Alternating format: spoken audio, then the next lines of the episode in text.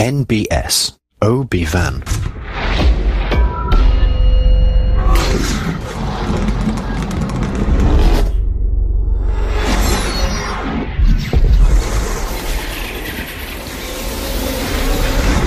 Sobat NBS, kini saatnya kita bergabung dengan NBS OB Fan.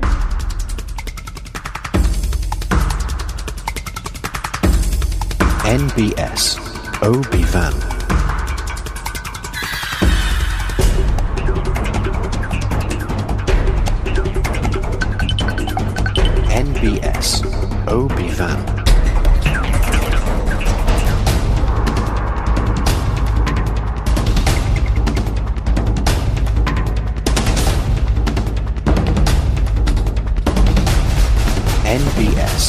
OB Van. NBS Radio.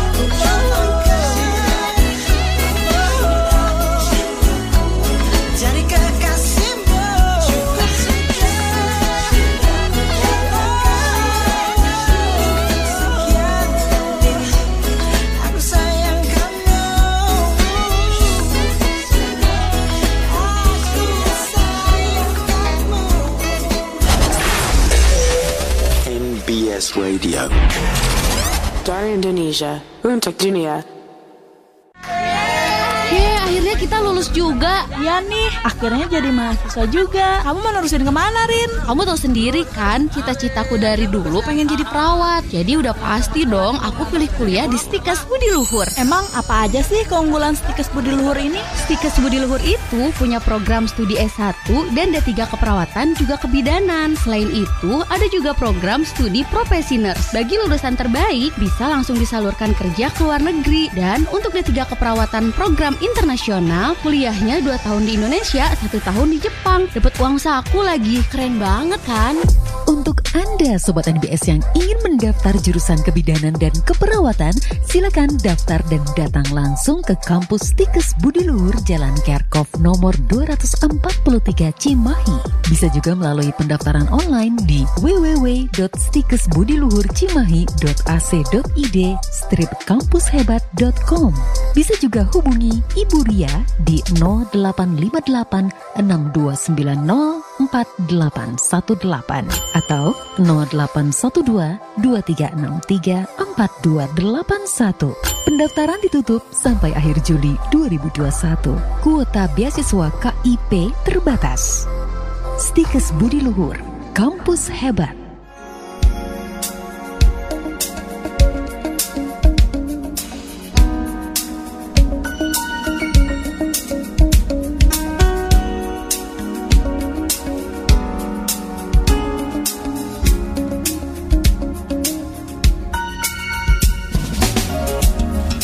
Playing the music you love NBS Radio dari Indonesia untuk dunia. Hai Sobat NBS, selamat siang. Apa kabar Anda? Saya Chandra Atmaja. Kali ini ada di kampus Tikes Budi Luhur Cimahi Yang ada di Jalan Kerkov nomor 243 Bandung. Eh, Tepatnya Cimahi Selatan ya, Lewi Gajah. Oke. Ya, kita akan berbincang banyak tentang penerimaan mahasiswa baru tahun akademik 2021-2022 Stikes Budi Luhur Cimahi dan tentunya selain itu kita juga akan uh, mengenal lebih jauh Stikes Budi Luhur Cimahi dan tentu saja saya tidak akan sendiri karena di sebelah saya kali ini sudah ada Ibu Halimatus Sadia atau Ibu Imut kepanggilannya ya. Beliau adalah Kepala Lembaga Marketing Stikes Budi Luhur Cimahi dan Ibu Ria Komalasari atau Ibu Ria Sekretaris Stikes Budi Luhur Cimahi. Lang mungkin langsung saya sapa aja keduanya. Selamat siang apa kabar? Alhamdulillah baik ya. Oke. Baik, senang sekali dan terima kasih Ibu sudah memberikan waktunya siang ini sudah menyediakan kesempatan untuk kita ngobrol sama-sama dan mengenal lebih jauh tentang proses penerimaan mahasiswa baru dan mengenal lebih jauh profil dari Stikes Budi Luhur Cimahi. Baik, tidak perlu buang waktu lagi, kita langsung saja Sobat NBS. Oh ya, nanti juga Anda bisa ikut bertanya ya melalui 0811 2255 seperti biasa yang punya pertanyaan seputar Stikes Budi Luhur Cimahi langsung saja sekali lagi di 0811 2255 359. Baik, mungkin yang pertama langsung ke Ibu Imut. Ibu Imut boleh tahu atau boleh diceritakan ini kapan dan bagaimana sejarah berdirinya Stikes Budi Luhur? Ibu Imut silakan. Terima kasih. Uh, Assalamualaikum warahmatullahi wabarakatuh.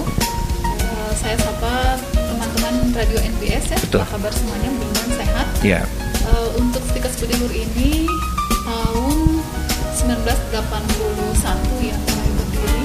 Itu awalnya uh, tidak langsung menjadi Stikes. Hmm. Tapi waktu itu masih dalam tahap sekolah pendidik uh, perawat kesehatan. Iya. Jadi uh, SPK dulu tuh ya. itu kalau sekarang mungkin sama dengan setara dengan SMU ya Hmm. eh, setingkat itu.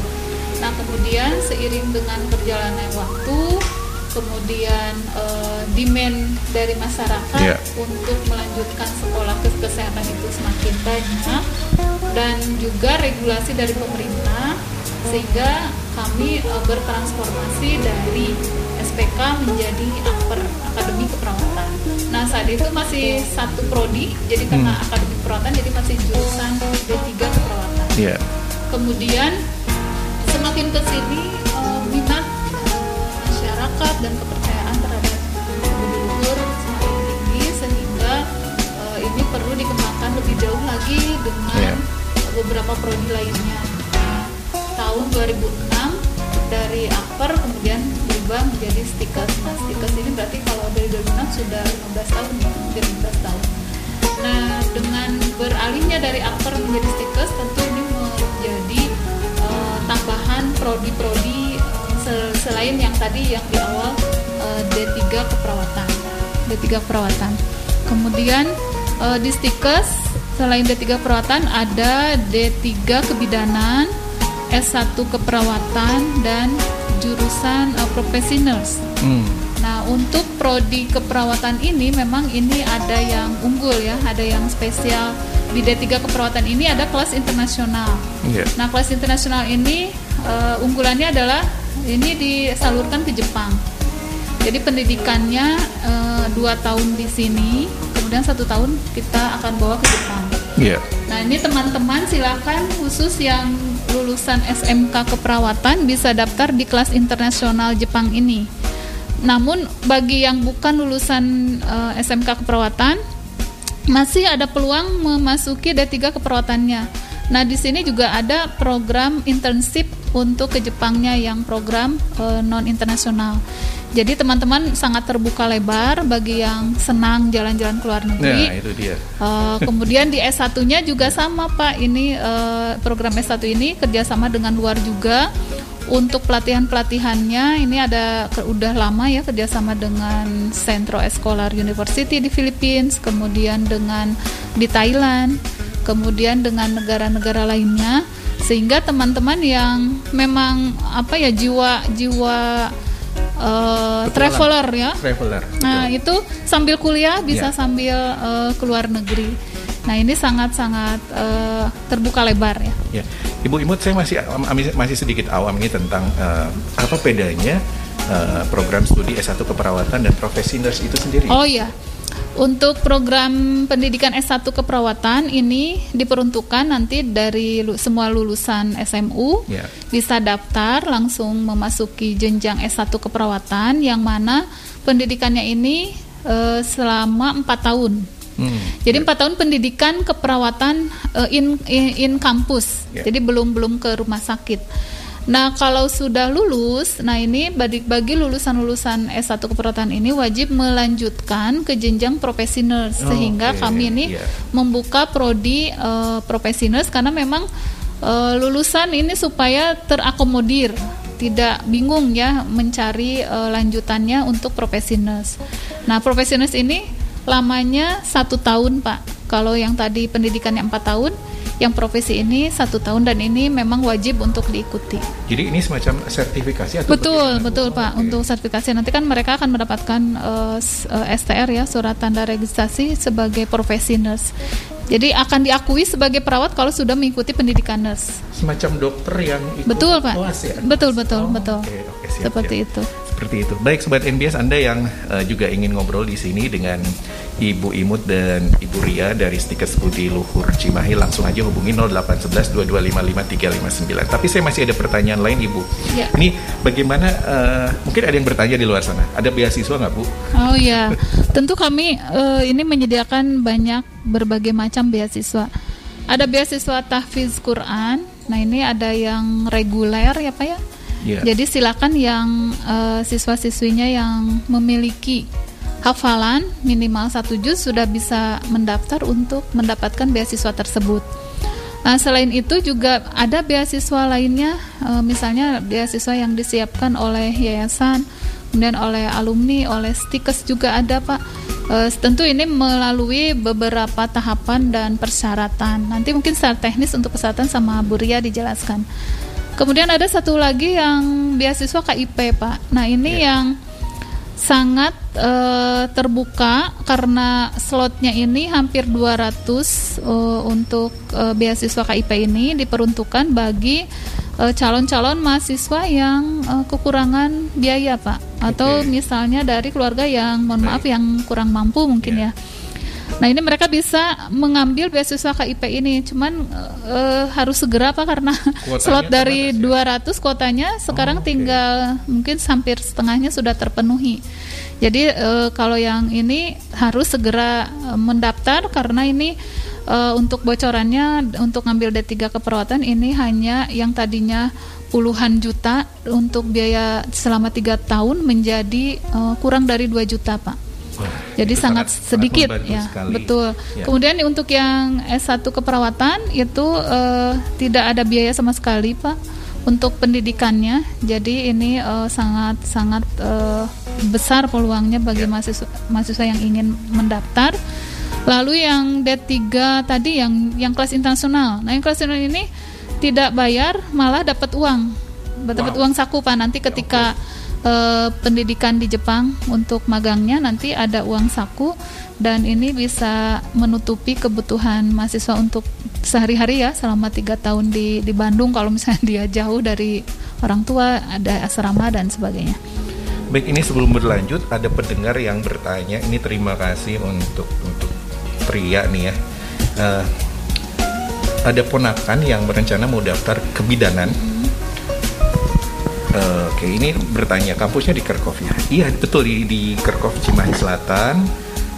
Oke, hanya Oke ini merasa terbantu ternyata ada ada kampus, Kampus. Budi Luhur gitu Iya, dan betul. nanti akan diinfokan katanya kepada keponakannya. Oke. Siap. Oke, Tria terima kasih ya dan semoga eh, nanti keponakannya kuliah di sini pastinya ya. Oke. Berikutnya ada Dewi di Cikutra. Selamat siang mau bertanya.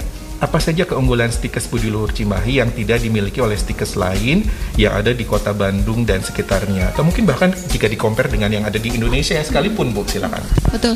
Ya, eh, keunggulannya tadi eh, kami ini lebih banyak eh, ininya ke luar negeri, Pak. Eh, apa namanya? programnya ya, program-programnya yang tidak mungkin di yang lain ada tetapi di sini lebih banyak, Pak. Jadi seperti eh, untuk sertifikasi pelatihan untuk BLS, Basic Life Support, kemudian Advanced Cardiac Life Support, itu kami siapkan eh, kerjasama dengan eh, salah satu eh, provider di luar negeri yang nantinya itu dapat sertifikat langsung dari American Heart Association. Jadi ini sangat-sangat membantu. Selain itu juga kan pengalaman ya kalau kita bawa ke luar negeri tentu bahasa eh, semakin kuat lagi bahasa Inggris. Eh, pengalaman secara internasional kan beda dengan di dalam. Nah, keunggulan lainnya adalah eh, kerja sama luar negeri ini selain pelatihan juga ada student exchange. Iya. Kemudian ada transfer kredit. Nah, ini sudah berapa angkatan ya Bu Ria yang transfer kredit ini? itu dari dua eh, transfer kredit itu sekarang udah tahun ketiga ya eh, angkatan ketiga. Pertamanya dulu eh, angkatan pertama itu 2015 terus ada lagi 2018 2019 dan sekarang eh, ada satu angkatan lagi bu. Meskipun eh, dalam pandemi seperti ini tetapi untuk program transfer kredit karena mereka eh, untuk perkuliahan online jadi tetap berjalan dan dapat beasiswa juga Weh, eh, Ibu ini ada yang bertanya lagi masih dari Tria. Ini terkait dengan tertarik sepertinya dengan beasiswa. Apa, apa- ada kriteria-kriteria khusus mungkin Ibu Ria mungkin bisa Oh langsung iya, dijawab. ah, enggak. Eh, untuk beasiswa eh, di di kami kan ada beberapa beasiswa ya. Kalau untuk eh, beasiswa tahfiz mungkin itu dengan kriteria itu hafal minimal satu zuz. Itu boleh eh, zuz berapa saja dan nanti akan dites oleh bagian ke eh, BKWK. Terus untuk beasiswa PMDK yaitu jalur rapot atau eh, prestasi. Itu boleh akademik dan non akademik. Kalau yang akademik itu dia memiliki prestasi eh, juara satu eh, eh, maaf, eh, peringkat 1 sampai 10 eh, pada saat kelas 12. Itu untuk yang PMDK, terus kalau eh, yang non akademiknya itu yang akademik ya kalau non akademiknya itu itu prestasinya seperti dia itu juara olahraga, Iya. juara nari atau juara pidato boleh eh, tapi dengan persyaratan dia pernah eh, menjuarai eh, kejuaraan eh, eh, juara 1 sampai 3 itu kejuaranya tingkat kabupaten atau kota gitu. Nah, kalau untuk beasiswa KIP itu bagi yang sudah punya ka- kartu Indonesia Pintar tuh Kang kan Oh, iya, ada ya betul. ha, pada waktu SMA. Eh, jadi itu bisa diku- dipergunakan di kami dengan tadi yang sudah disebutkan oleh Bu Imut kuotanya itu sangat banyak sekali untuk tahun ini.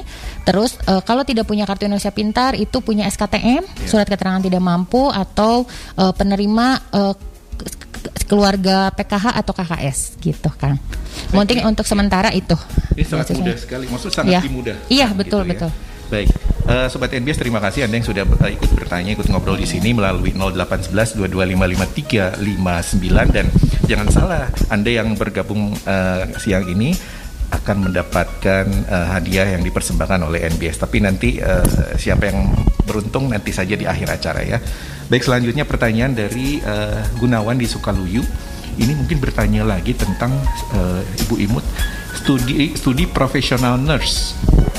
Eh, khusus lulusan SMK keperawatan atau lulusan D3 keperawatan dan kebidanan, Bu. Oh iya. Mungkin tadi belum belum terlalu Betul, atau betul. tadi terlewat mungkin. Ya, Untuk eh, profesi nurse artinya ini yang profesi yang praktek di rumah sakit selama satu tahun mengambil eh, lima stase. Jadi ada keperawatan anak, ada keperawatan medikal bedah dan lain sebagainya.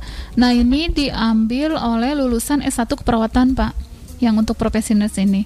Kalau yang untuk D3 ini kalau mau dia harus melanjutkan ke jenjang S1-nya dulu. Ya. Jadi ada kelas transfer dari D3 ke S1 yang mana kuliahnya 2 tahun. Setelah itu baru ngambil profesi. Jadi kelas profesi ini memang setelah selesai menyelesaikan jenjang S1 keperawatan. Iya. Ini sekaligus menjawab pertanyaan bisa nggak transfer akademik bisa ya? Barusan terjawab Ibu ya. Oh iya. Ya. Kemudian oh tadi yang bertanya transfer akademik dari Fatih di Cimalaka. Berikutnya yang bertanya tidak menyebutkan nama. Nanti kalau ada prakteknya di kampus sendiri atau di rumah sakit? Di rumah sakit Bu? Oh iya di rumah sakit kalau praktek Pak. Siap, siap. Eh, dalam kondisi seperti ini jangan khawatir nanti prokes sangat eh, kami Betul. perhatikan ya prosedur-prosedurnya. Ya tentu saja eh, Sobat NBS kita pun sendiri sekarang pada saat talk show seperti ini prokes tetap sangat berjalan dan sangat ketat. Baik, eh, akan semakin menarik eh, dengan tadi ada pertanyaan yang belum sempat saya utarakan. Ini ini terkait dengan tadi Bu eh, yang apa namanya kita tuh eh, be- apa berkelas internasional standar internasional karena bekerja sama dengan lembaga-lembaga di luar. Berarti ini ada hubungan hubungan erat dengan atau dengan kata lain ini penyerapan lulusan di dunia kerja ini juga eh, nggak usah khawatir Iya gitu betul itu Pak. bagaimana? Betul.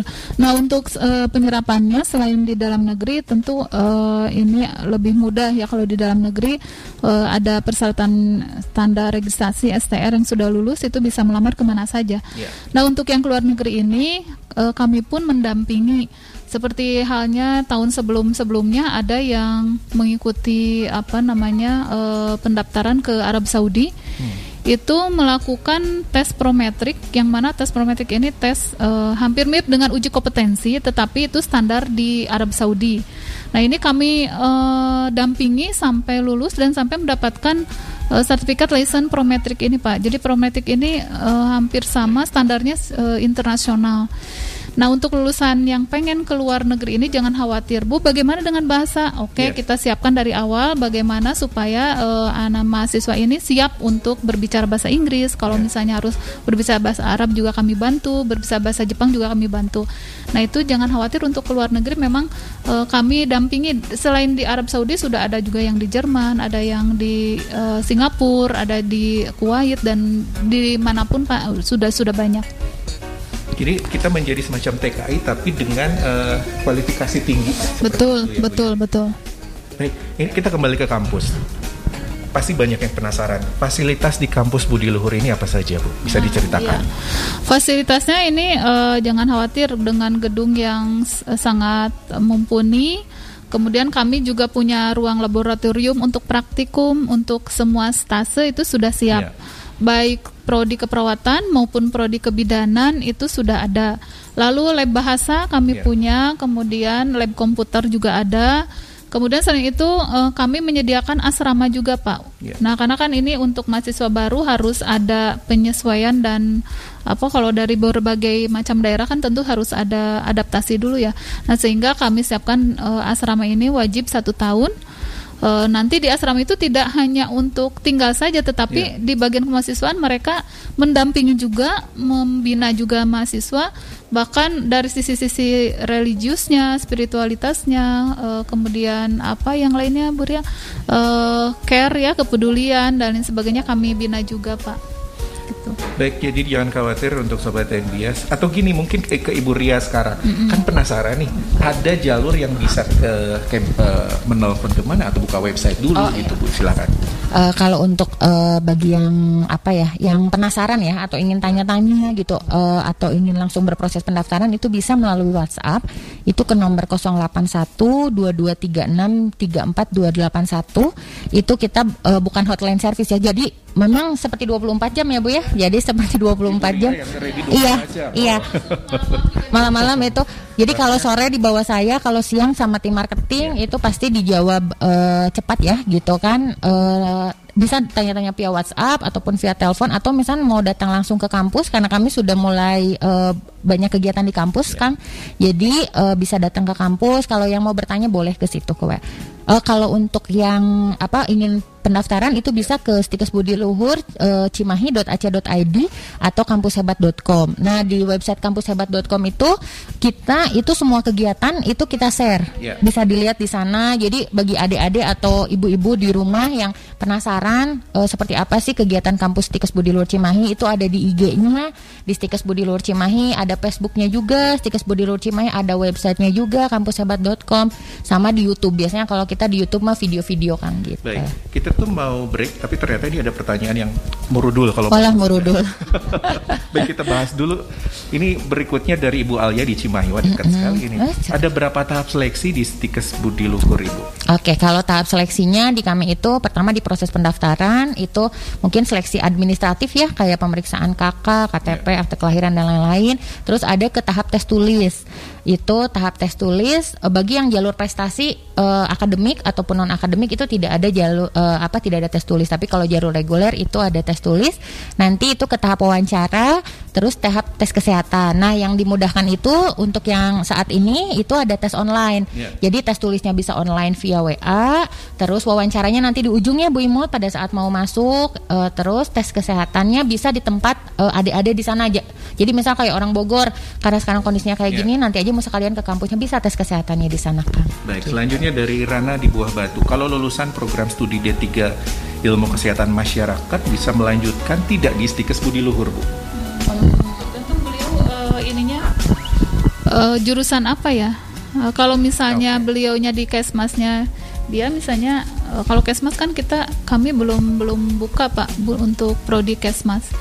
Tapi kalau misalnya dari kesmasnya dia ngambil D3 misalnya apa ya dia gizi atau apa terus dia pengen pindah ke keperawatan bisa aja sih sebetulnya Eh, mungkin nanti matrikulasi eh, MKDU-nya dilihat apa saja yang sudah Itu mungkin langsung biar lebih lebih, lebih langsung ngobrol sama Ibu Ria tadi ya lewat hotline tadi ya. Eh bukan hotline, lewat WhatsApp. Itu sih WhatsApp tapi kita kayak hotline service ya, jadi Oh, 24 jam Kang. Siap. Ini ini sensitif sih. Ada pertanyaan eh, biaya per semesternya berapa? Ini boleh terserah mau disampaikan atau tidak. Uh, Untuk uh, untuk tadi yang beasiswa kan sudah dijelasin Ya. ya. Untuk D3 keperawatan itu hanya kurang dari 2 juta ya, 1,9 kalau tidak salah. Untuk yang masuk ke program beasiswa KIP, kemudian yang D3 keperawatan kelas internasional itu tidak bayar sama sekali. Ya. Untuk yang S1 juga eh, gratis selama 4 tahun pendidikan. Nah, untuk yang karena itu kan masuknya ke eh, KIP ya. Kalau yang non KIP mungkin nanti eh, keuangannya eh, sama Buria eh, berapa per semesternya. Namun jangan khawatir kami masih apa ya istilahnya tuh memberi keringanan Ya. tidak langsung oh Bu kami nggak punya uangnya misalnya bayarnya ha- 15 juta dalam satu semester oh kami hanya punya segini dulu nggak jadi masalah jadi kami memberikan eh, apa ya semacam eh, perjanjian-perjanjian misalnya oh eh, nanti dibayarnya di bulan kesekian itu bisa pak. Nah untuk ke- eh, jumlahnya mungkin Beria lebih lebih. Eh, kalau untuk eh, biaya masuk ya Bu ya, kalau untuk D3 perawat itu, oh yang reguler D3 perawat itu 13 juta 400 ribu, Kang. Terus yang bidan 15 juta 25 ribu dan S1 keperawatan, eh punten, itu yang eh, D3 bidan 15 juta 225 ribu dan eh, S1 keperawatan 15 juta 25 ribu. Itu tidak setiap semester seperti itu, Kang. Jadi eh, kita ada yang 7 sampai 8, ada yang 8 sampai 9 itu tergantung dari eh, banyaknya biaya praktek. Eh, praktek. UAS UTS semua. dari ini ya standar pembayaran di Bedulur sudah sudah termasuk yang eh, ter- cukup tidak terlalu mahal pak Betul, kalau betul. eh, Ya. apa ya, pendidikan kesehatan. Baik. Terus di kita nggak ada jebakan Batman Kang. Biasanya kalau bi- biasanya gini, kalau eh, biaya semester awal misalkan di 8 juta, eh punten, bi- biaya semester 2, tapi nanti tuh suka ada UAS, UTS bayar lagi di kita mah enggak Kang. Semuanya udah include kecuali kalau si mahasiswa head dan tutor itu beda lagi ya. Jadi semuanya udah disampaikan di awal. Jadi orang tua itu untuk semester 3 misalkan oh segi, segini nih. Jadi sudah ada persiapan dan bisa dicicil Kang gitu. Betul, ini pertanyaan terakhir. Kan untuk awal-awal eh, untuk awal-awal masuk di asrama kan tidak Bu, di asrama kan tidak Bu? Iya. Di Wajib asrama satu tahun pertama. Terus pembiayaan bagaimana tadi sudah sudah sangat Iya. jelas tadi ya pembiayaan. Baik, terima kasih sobat NBS untuk Anda yang terus eh, stay tune di nbsradio.id. Obrolan kita juga akan semakin seru, tapi kita break dulu ya. Kita nikmati sebuah uh, lagu bagus kali ini datang dari Krisya. Ini dia, Cintaku.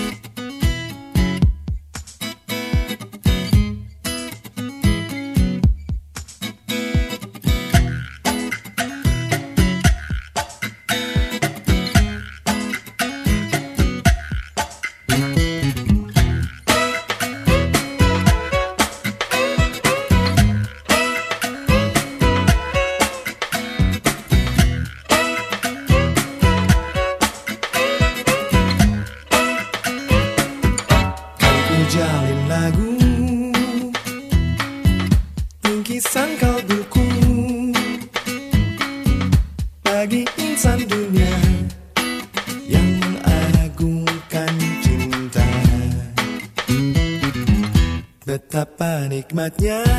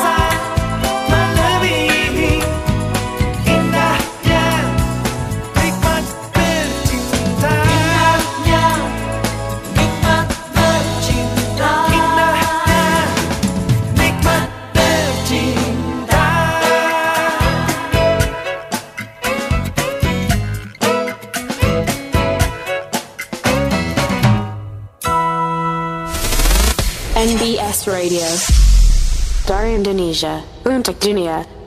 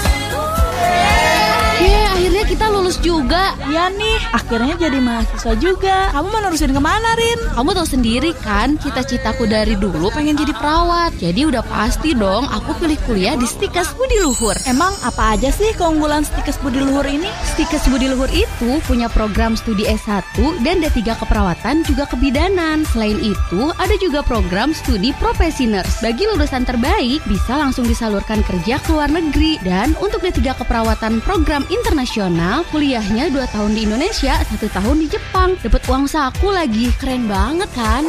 Untuk Anda Sobat NBS yang ingin mendaftar jurusan kebidanan dan keperawatan, silakan daftar dan datang langsung ke kampus Tikes Budi Jalan Kerkov nomor 243 Cimahi. Bisa juga melalui pendaftaran online di www.stikesbudiluhurcimahi.ac.id strip kampushebat.com. Bisa juga hubungi Ibu Ria di 0858 6290 4818 atau 0812 2363 4281. Pendaftaran ditutup sampai akhir Juli 2021. Kuota beasiswa KIP terbatas. Stikes Budi Luhur, kampus hebat.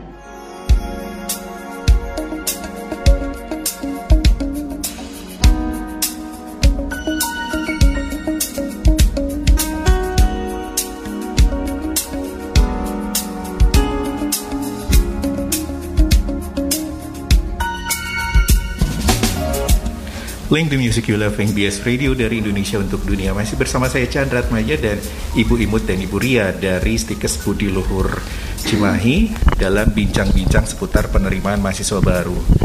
Baik Ibu Ria dan Ibu Imut kita lanjutkan perbincangan kita yang tadi sudah Ya. membahas panjang lebar Ibu ya tentang Ya. uh, program studi sampai juga uh, program-program unggulan di kampus Budi Luhur ini dan juga termasuk menjawab pertanyaan yang masuk di 0811 2255359 dan saya masih undang Anda yang punya pertanyaan atau Anda yang memang tertarik untuk masuk ke kampus ini eh, mungkin ingin detailnya seperti apa nah eh, sekarang kesempatannya untuk Anda bertanya dan jangan lupa nanti untuk yang beruntung akan mendapatkan hadiah yang dipersembahkan oleh NBS Radio.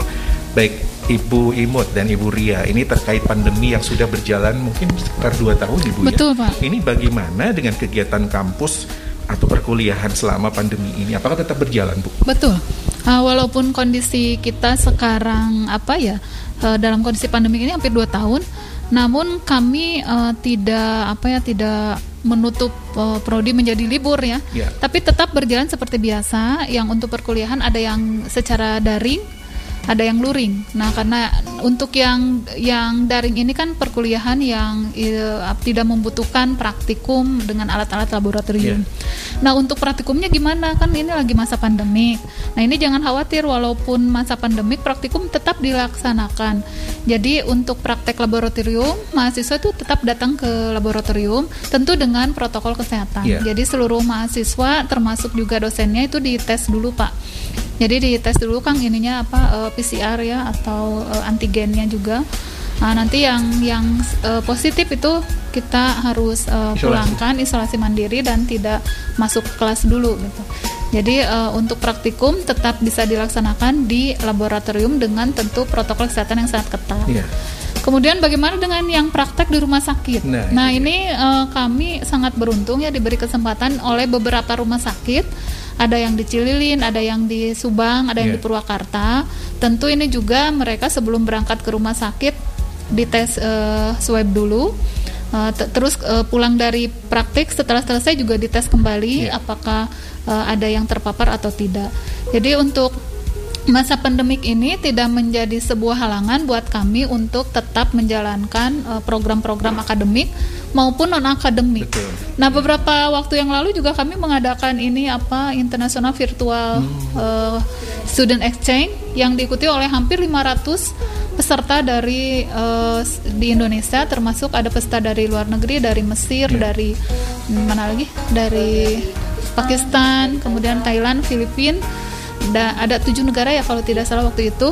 Nah itu sangat eh, apa eh, bagus sekali. Ini mahasiswa yang yang menyelenggarakan, mahasiswa yang menyiapkan segala Iya. sesuatunya, termasuk eh, mahasiswa yang mengundang pembicara-pembicara untuk diadakan eh, virtual eh, student exchange ini. Jadi untuk masa pandemik ini baik akademik maupun non akademik tetap berjalan. Berjalan. Betul. Untuk dosen-dosennya juga eh, melakukan tridharma mau, eh, mau penelitian, pengabdian masyarakat, pengajaran tetap berjalan dengan dengan baik, Pak. Apalagi mungkin ini kesempatan juga untuk Betul. eh, mengabdi kepada masyarakat. Betul, betul. Baik, sebelum nanti saya ada pertanyaan lainnya mengenai eh, non non reguler, tapi kita tahan dulu. Oh, kita iya, iya. balik lagi ke pertanyaan-pertanyaan pendengar Siap. juga cukup banyak ini. Eh, mungkin Tria ini ya bertanya lagi. Mohon maaf ini keponakan mau bertanya lagi. Jika dia sudah jika dia sudah pernah masuk sekolah keperawatan di luar lalu lanjut ke sana apakah boleh? Terus dosennya galak-galak nggak katanya? Karena kalau galak kan biasanya galak katanya. Oh, oh ya, yang yang pernah kuliah di tempat lain maksudnya ya Iya. tadi. Eh, jurusannya apa ya? Tidak disebutkan atau Oh, mungkin ya. eh, apa saja yang mungkin memungkinkan untuk bisa Hmm, dilanjut di sini begitu. Ada eh, kemarin juga ada yang dari eh, luar Stikes ya. Eh, dia mereka eh, beliau sudah masuk eh, satu semester, kemudian ingin pindah ke sini tuh bisa diproses. Ya. Asal dengan catatan itu tadi eh, per apa namanya nilai-nilai yang sudah eh, diperoleh di sekolah sebelumnya sudah keluar, sudah ada, kemudian ada surat pernyataan dari sekolah yang sebelumnya. Kalau memang kasusnya seperti itu ingin melanjutkan. Lalu misalnya yang yang ingin melanjutkannya, contohnya yang sudah biasanya ini eh, selain yang case tadi ada yang program non reguler. Ya. Nah non reguler ini kan yang yang sudah pernah kuliah eh, biasanya rata-rata di lulusan D3 karena sekarang kan regulasinya kan harus S1 ya perawat itu sehingga rumah sakit pun kan untuk penilaian akreditasi Ya. itu harus lulusan S1 ke perawatnya. Maka mereka eh, yang sudah lama gitu ya ada yang kuliahnya itu tahun 9 1990-an gitu ya. Baru nyampe D3. Hmm, Nah, ini harus harus segera melanjutkan ke S1.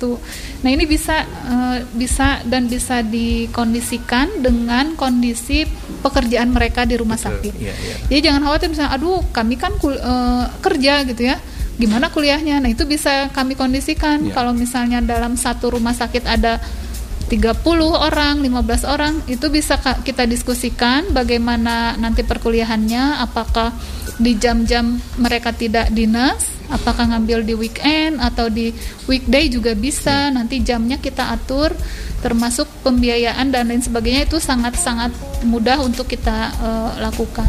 Baik, terima kasih Ibu Imut. Ini ada yang lucu nih. eh, sebentar Bang Chandra ini. Oh iya tadi punten, yang galak-galak itu ya. Oh, Enggak, enggak iya, enggak ada sih ya. Enggak ada, ya. Oh, yang galak-galak enggak ada, jangan khawatir. Kalau ada yang galak laporan aja. Siap. Sekarang mah transparan Bu ya. Ya betul, Jadi nggak ada dosen yang galak. Baik. Ini ada yang lucu nih. eh, sebentar ini Mei lagi di pasar Kosambi katanya. Pengen nanya seperti tapi Iya. lebih nanggung lagi di luar. Oke ditunggu. Masih ada waktu sampai nanti sekitar setengah sebelas ya. Baik. Sampai sore. Oh enggak. kalau itu mah nanti langsung aja sama Ibu Ria kalau ada pertanyaan ya. Baik ini lanjut dengan Melan di Cigadung. Saya kebetulan lulusan SMKN 7 jurusan farmasi. Bisa tidak melanjutkan ke studi studi luhur? Bisa, bisa banget, bisa Oh melanjutkan. ya angkatan 2019 katanya Bu. Bisa. oh ya? iya, bet- bisa bisa Pak. 2019 boleh. Kemudian tadi yang KIP juga 2019, lulusan 2019, 2020, 2021. Boleh. Oke. Mau yang udah nikah boleh ya? Ya, Kalau udah nikah. kalau bukan yang beasiswa KIP kuliah misalnya dia mau ikut kelas reguler boleh. Reguler. Eh, oh, sudah Umurnya menikah. 20 tahun asal dia bisa. Maksimum menye- tahun, menyesuaikan. Kita sampai 35. 35. Oke, di atas 35. Di atas 35 soalnya eh itu pribadi. Boleh, Kang. Oke. si 18 dia mah. Oke, berikutnya eh, s- oke, ad- belum ada jurusan apoteker atau farmasi? Apakah ada- rencana untuk dibuka jurusan itu dari Rika di Surabaya?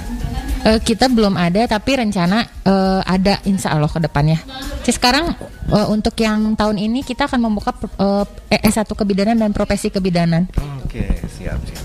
Berikutnya, Kang sorry mau nanya, apakah ada kelas karyawan untuk kebidanan?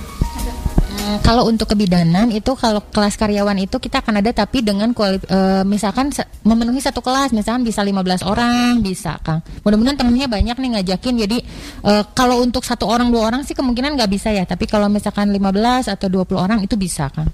Baik. Iya. Nah, itu diajak-ajak ya memang sama-sama mau gitu ya. Punya rencana ke sana. Baik. Betul, betul. Baik, masih ada waktu untuk kita terus bincang-bincang dan saya masih undang Anda di 0811 2255 359. Karena bukan sekedar nanya, ini Anda bakal dapat eh, bingkisan seru lah ya dari NBS Radio. Baik.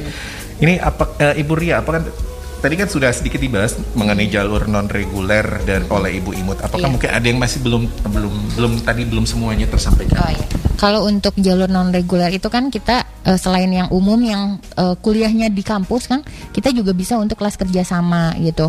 Eh, misalkan rumah sakit eh, di daerah Cimahi atau di daerah Bandung mau eh, melanjutkan untuk eh, para perawatnya yang masih D3, misalnya harus eh, apa eh, jenjang pendidikannya harus S1, itu bisa bikin kelas kerjasama rumah sakit kan gitu. Kita kan seperti sama Dustira, Cibabat kita udah eh, ada beberapa juga rumah sakit yang eh, kelas kerjasama kan gitu. Ya untuk biayanya, biayanya apakah berbeda tadi untuk kelas karyawan dan yang reguler? Oh, pasti itu berbeda dan mungkin kalau kelas reguler eh punten kalau kelas non reguler itu kalau untuk yang tahun ini itu sekitar 27 juta 300 ribu ya sekitar segitu ya kurang lebih. Eh, apa namanya itu itu paket Kang. Jadi kalau kelas eh, non reguler yang lulusan dari D3 ke S1 itu itu paket sistemnya. Jadi kul- perkuliahannya 2 tahun.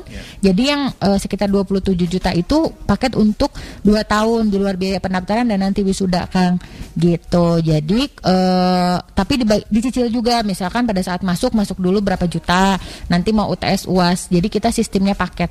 Itulah eh, enaknya mungkin kalau di Stikes Budi Luhur. Terus kalau yang kelas kerjasama untuk jadwal kuliahnya kita menentukan dari rumah sakit tuh. Misalnya kita yang kasih bunda itu setiap Selasa Rabu misalnya. Eh, tapi setelah ja- jam pelayanan. Jadi kalau kelas kerjasama kita bisa menyesuaikan. Baik Ibu Ria, ini kan eh, siaran NBS ini bukan hanya bisa didengar seluruh Indonesia, tapi juga untuk mereka yang di luar bisa Iya, didengar. Kang. Oke, khusus kembali lagi ke kita yang ada di Indonesia ini juga mendengarkan dan tertarik. Memungkinkan kan untuk misalnya eh, mereka yang datang dari daerah mana eh, untuk kuliah di sini. Itu tadi ada asrama juga kan? Bu? Ada, ada Jadi asrama. ada kemudahan untuk mereka tuh nggak akan linglung di sini. Iya, gitu. betul. Silakan. Iya, eh, kita juga mahasiswa kami itu tidak hanya dari wilayah Cimahi, eh, Kabupaten Bandung, eh, Cianjur, Sukabumi ya Kang ya. Tetapi juga kita ada beberapa eh, tahun eh, ke belakang, kita juga ada eh, mahasiswa kita dari Palembang, dari Kupang, eh, dari Kalimantan dan mereka eh, itu biasanya eh, kalau sudah satu yang kuliah ke sini, nah tahun besoknya ada lagi tuh tetangganya, saudaranya yang ke sini. Jadi kalau eh, bagi teman-teman yang dari luar kota Bandung, eh, khususnya dari wilayah Jawa Barat itu bisa sekali kuliah ke Stikes Budi Luhur Cimahi, karena kita juga untuk satu tahun pertama kan ada asrama Kang. Iya. Jadi bagi eh, mahasiswa yang dari luar kota, orang tuanya tidak akan khawatir ya kalau di asrama gitu. Nanti tahun kedua kalau misalkan mau kos, eh, ibaratnya sudah adaptasi lah dengan eh, lingkungan kota Cimahi gitu Kang. Baik, tidak terasa rasa Ibu Imut dan Ibu Ria ini kita sudah hampir masuk ke segmen terakhir, tapi Iya. mungkin eh, bisa sekalian disimpulkan lagi. Jadi disebutkan lagi prodinya apa, tapi Ibu tidak sepanjang tadi. Oh, Jadi oke, mungkin oke. karena tadi ada yang terlewat juga ya. Mana Ibu, mungkin Ibu Ria sekaligus nanti eh, ada prodi apa saja, kemudian cara berdaftar bagaimana atau Oh, mendapatkan oke. informasinya seperti apa. Silakan. Uh, nah, uh, mungkin bagi uh, teman-teman atau uh, pendengar radio NBS ini di kami itu di Stikes Budi Luhur Cimahi ada tiga prodi dengan empat jurusan, Kang.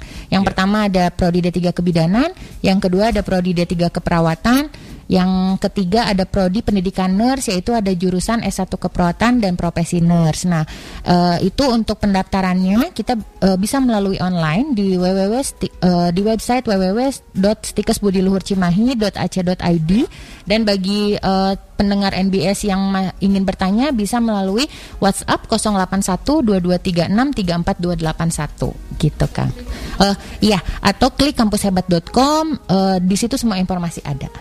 Baik untuk tanggalnya, tanggal kita mungkin, eh, ini kapan aja sih bisa kita apa namanya berkonsultasi Oh. Bu Ibu Ria?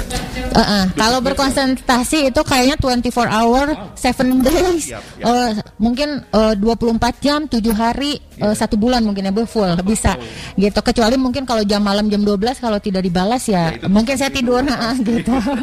Nanti pagi-pagi langsung respon. Terus kita juga di kampus itu buka dari Senin sampai dengan Sabtu ya Bu ya. Itu dari jam 8 sampai dengan jam 5 sore. Itu uh, dari Senin sampai dengan Sabtu kecuali hari merah dan hari Minggu kan. gitu. Untuk tanggal pendaftaran itu eh, terakhir kapan Ibu Ria? Kalau untuk gelombang 2 kita masih gelombang 2 itu akhir Juni. Kalau untuk gelombang 3 kita akhir Juli. Oke, akhir iya, Juli lah iya, saja. akhir Juli untuk pendaftarannya. Tapi untuk program KIP kuliah kita itu sampai dengan akhir Juni ya Bu ya. Segera aja secepatnya. Soalnya kuotanya eh, terbatas dan banyak peminatnya. Baik, tadi saya se- sepintas melihat ke luar para mahasiswa ini mayoritas memang perempuan ya. Apakah tapi juga bukan menjadi halangan untuk pria eh, laki-laki juga mendaftar banyak kan? Banyak Eh, laki-laki cuman tidak sebanyak pria. Biasanya dari setiap angkatan, oh, maupun tidak sebanyak perempuan. Jadi setiap angkatan misalkan eh, dari yang S1 keperawatan misalnya 75 orang, laki-lakinya itu 22 gitu Kang. Malah ada di sini itu yang laki-laki dulunya eh, dia itu sekolah pilot Kang. Oh, Iya, sekolah pilot, tapi mungkin karena eh, untuk lisennya susah jadinya dia jadi sekolah perawat gitu. Terus ada juga yang ingin jadi tentara, tidak lolos terus tentara masuk ke perawat. Banyak juga, Kang. Ya gini, gini, mungkin gini. Saya juga ini pertanyaan saya juga ini apa wan- eh, bertanya, apakah mereka yang bukan anak biologi, bukan anak IPA gitu, apakah bisa juga nanti apply ke sini? Bisa. Bisa bisa Kang. Eh, misalnya dari jurusan mesin, STM ya atau eh, dari ya IPS, IPS atau bahasa itu bisa karena nanti sebelum perkuliahan kita ada matrikulasi yaitu belajar IPA, biologi, kimia, bahasa eh, punten sama fisika Kang. Satu minggu sebelum eh, sidang senat dan lain-lain itu ada matrikulasi. Jadi jangan khawatir yang jurusan TKJ, mesin Iya. itu bisa masuk ke Stikes Termasuk tadi Budi ya yang calon apa? Iya pilot itu Ternyata pernah pindah haluan Iya gitu. pindah haluan. Eh, lulusan keperawatan itu eh, ada yang bisa masuk ke TNI, Kang. Oh, Jadi di TNI itu ada eh, yang nantinya itu ditempatkan di rumah sakit. Iya. Jadi jangan khawatir. Jadi habis lulus eh, daftar misalnya, aduh saya nggak keterima nih kemarin ikut eh, TNI Angkatan Darat atau Angkatan Udara. Ah, masuk ke perawatan aja dulu nanti ada eh, apa slot untuk eh, bidang kesehatan di ketni-an. Ya, Bu Bu Imut, bahkan yang menarik ada teman saya yang dia tuh eh, keperawat, perawat, perawat, dia jadi bisa jadi PNS. Oh Di iya, iya betul betul. Malah itu jadi belok gitu Betul ya. betul. Bisa. Jadi- Karena perawat ini memang luas ya. Luas ya. Hanya di rumah sakit, di klinik, bahkan di rig ya, di pertambangan. Oh, itu juga bisa. Jadi eh, sangat-sangat terbuka luas ya kalau menurut saya profesi perawat itu. Jadi mindsetnya eh, nggak jangan ini jangan melihat oh abis ini cuma di rumah sakit. Saya kan nggak mau di rumah sakit Luas. di klinik. Sebetulnya luas gitu ya nggak Iya. hanya di rumah sakit, di klinik, di rig, di pabrik, di mana-mana bisa. Baik, Ibu Imut, ini terakhir nih, kita segmen terakhir sekali. Mungkin masih ada yang ingin disampaikan, sekaligus menyi- eh, men- menyimpulkan dan menutup. Ibu silakan. Oh, baik. Sebelum nanti. Eh, para pendengar NBS yang sangat saya cintai, eh, dari saya eh, silahkan eh, untuk segera mendaftar ke Stikes Budi Luhur Cimahi ini. Eh, karena pendaftaran untuk beasiswa ini eh, tinggal beberapa waktu lagi.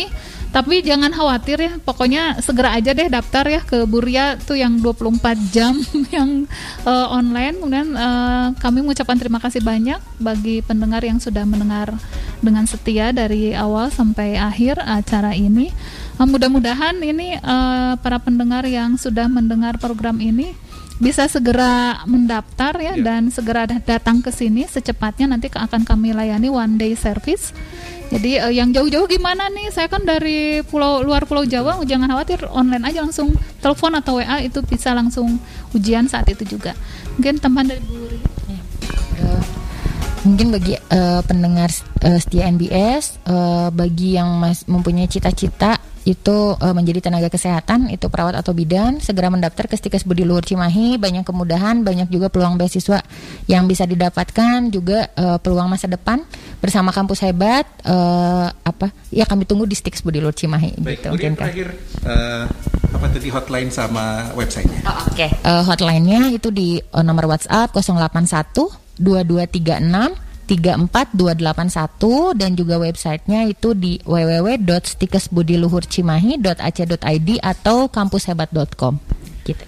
Baik, terima kasih untuk Ibu Imut dan Ibu Ria atas waktu dan kesempatannya. Sukses dan lancar-lancar untuk program penerimaan mahasiswa barunya. Semoga kita bisa berbincang-bincang lagi, Ibu. Ini menarik sekali. Betul, betul. Di kesempatan lain. Ya, kalau begitu kita tutup. Terima kasih. Wassalamualaikum warahmatullahi wabarakatuh. Waalaikumsalam warahmatullahi wabarakatuh. Baik, Sobat NBS, demikian perbincangan saya bersama Ibu Imut dan Ibu Ria dari Stikes Budi Luhur Cimahi. Dan setelah ini kita kembali menuju Studio 1 untuk melanjutkan dan menikmati playlist yang sudah disiapkan. Oke, kalau begitu saya Chandra Maja pamit. Terima kasih atas atensinya dan untuk yang tadi sudah ikut berpartisipasi di 0811 2255 nanti informasinya di broadcast ya, melalui WhatsApp saja ya. Baik kalau begitu saya Chandra Maja pamit sekarang. Be bright as a star wherever you are. Terima kasih selamat siang, selamat beristirahat, selamat melanjutkan juga aktivitas Anda ya. Akhirnya kita lulus juga. Iya nih, akhirnya jadi mahasiswa juga. Kamu mau nerusin ke mana, Rin? Kamu tahu sendiri kan, cita-citaku dari dulu pengen jadi perawat. Jadi udah pasti dong aku pilih kuliah di Stikes Budi Luhur. Emang apa aja sih keunggulan Stikes Budi Luhur ini? Stikes Budi Luhur itu punya program studi S1 dan D3 keperawatan juga kebidanan. Selain itu, ada juga program studi profesi nurse. Bagi lulusan terbaik, bisa langsung disalurkan kerja ke luar negeri. Dan untuk D3 keperawatan program internasional, kuliahnya 2 tahun di Indonesia, satu tahun di Jepang. Dapat uang saku lagi, keren banget kan? Untuk Anda Sobat NBS yang ingin mendaftar jurusan kebidanan dan keperawatan, silakan daftar dan datang langsung ke kampus Stikes Budi Jalan Kerkov nomor 243 Cimahi. Bisa juga melalui pendaftaran online di www.stikesbudiluhurcimahi.ac.id strip kampushebat.com. Bisa juga hubungi Ibu Ria di 0858 6290 4818 atau 0812 2363 4281. Pendaftaran ditutup sampai akhir Juli 2021. Kuota beasiswa KIP terbatas. Stikes Budi Luhur, kampus hebat. NBS Radio. Dari Indonesia untuk dunia.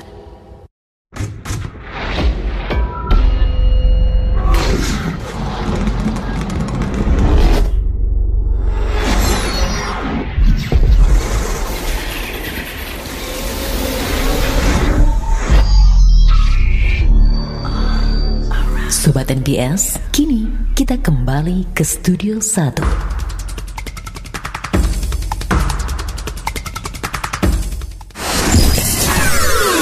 NBS Radio.